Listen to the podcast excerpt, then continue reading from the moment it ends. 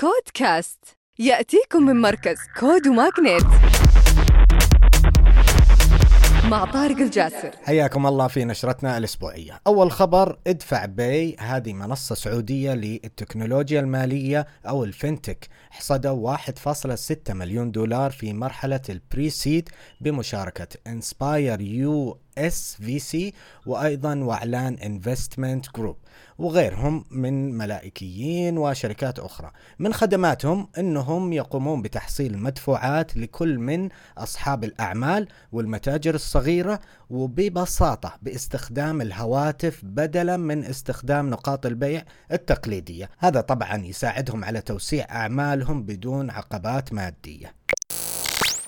Udrive الإماراتية يحصلون على تمويل بقيمة 5 مليون دولار في جولتهم التمويلية اللي هي ال bridge بدعم من عمان Holding و Cultiv8 International طبعا تعرف Udrive بأنها أول منصة تعمل على تأجير السيارات بواسطة تطبيق Udrive الإلكتروني. هذا يمكن السائقين بحجز سيارة مباشرة بالتطبيق بدون تدخل بشري. كما أنها أيضا تقدم خدماتها في كل من أبو ظبي وإمارة دبي.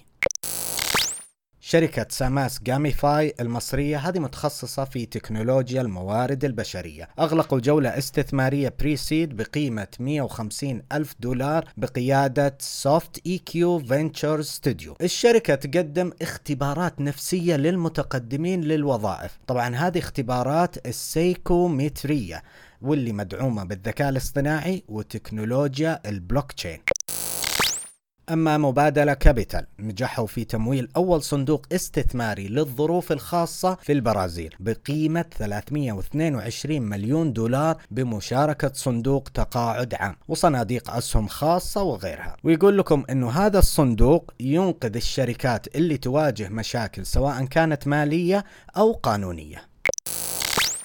آخر خبر Qashio الإماراتية هذه منصة متخصصة في إدارة الإنفاق للشركات أغلقوا جولتهم استثمارية ال pre-seed بقيمة 2.5 مليون دولار بدعم من Palm Drive Capital وأيضا Rally Cap Ventures وغيرهم. هذه منصة تساعد الشركات على التحكم في الموارد المالية وتقلل من الإسراف في النفقات.